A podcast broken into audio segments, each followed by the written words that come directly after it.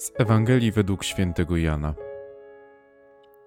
W czasie ostatniej wieczerzy Jezus, podniósłszy oczy ku niebu, modlił się tymi słowami: Ojcze święty, zachowaj ich w Twoim imieniu, które mi dałeś, aby tak jak my stanowili jedno.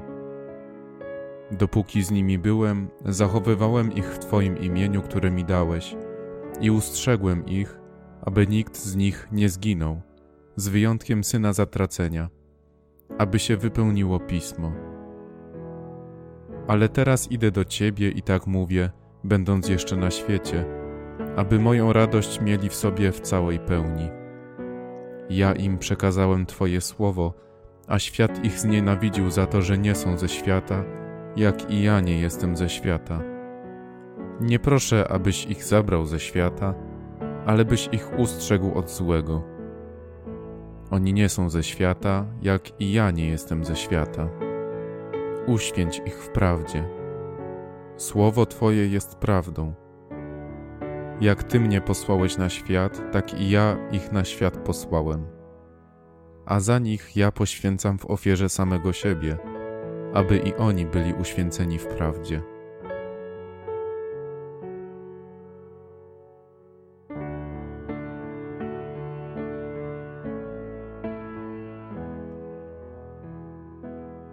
W różnorakich dziełach kultury motyw drogi jest jednym z najbardziej popularnych schematów prowadzenia historii.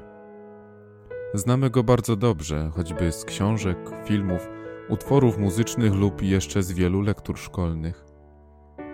Każdy z nas bardzo dobrze odnajduje się w tym motywie, ponieważ jest on wszechobecny w naszej codzienności.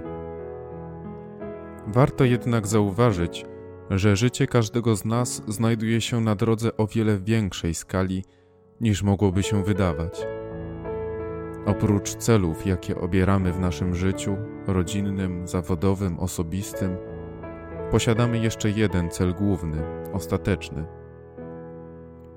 Jezus w dzisiejszej Ewangelii modli się do Ojca za swoich uczniów tymi słowami: Oni nie są ze świata, jak i ja nie jestem ze świata.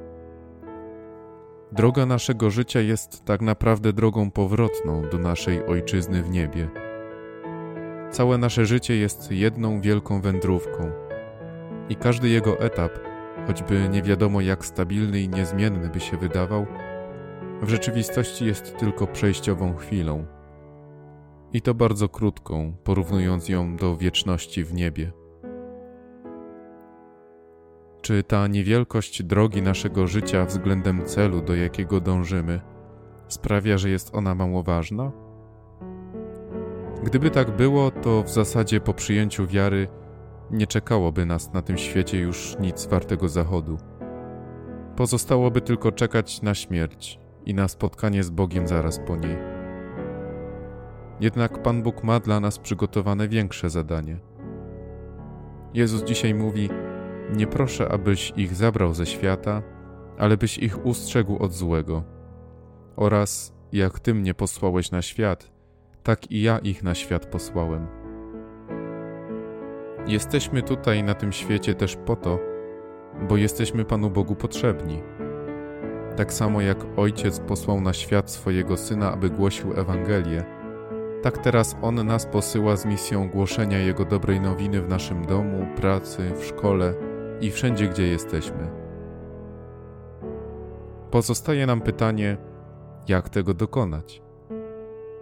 Również tutaj Jezus nie zostawia nas bez odpowiedzi. Chcąc stać się prawdziwymi uczniami Jezusa i głosić Jego Ewangelię, musimy stanąć ponad dzielącymi nas sporami oraz podziałami i świadczyć razem, jednym głosem, głosząc jedną prawdę. Będąc razem, jesteśmy w stanie być skutecznymi świadkami Chrystusa i w ten sposób pomagać innym, aby wszyscy razem szczęśliwie dotarli do naszej Ojczyzny w niebie. Cała dzisiejsza Ewangelia jest fragmentem modlitwy, którą Jezus kieruje do swojego Ojca. Modli się On za swoich uczniów i za dzieło, które im powierza. Módlmy się dzisiaj razem z Jezusem. Ojcze Święty, Zachowaj ich w Twoim imieniu, które im dałeś, aby tak jak my stanowili jedno.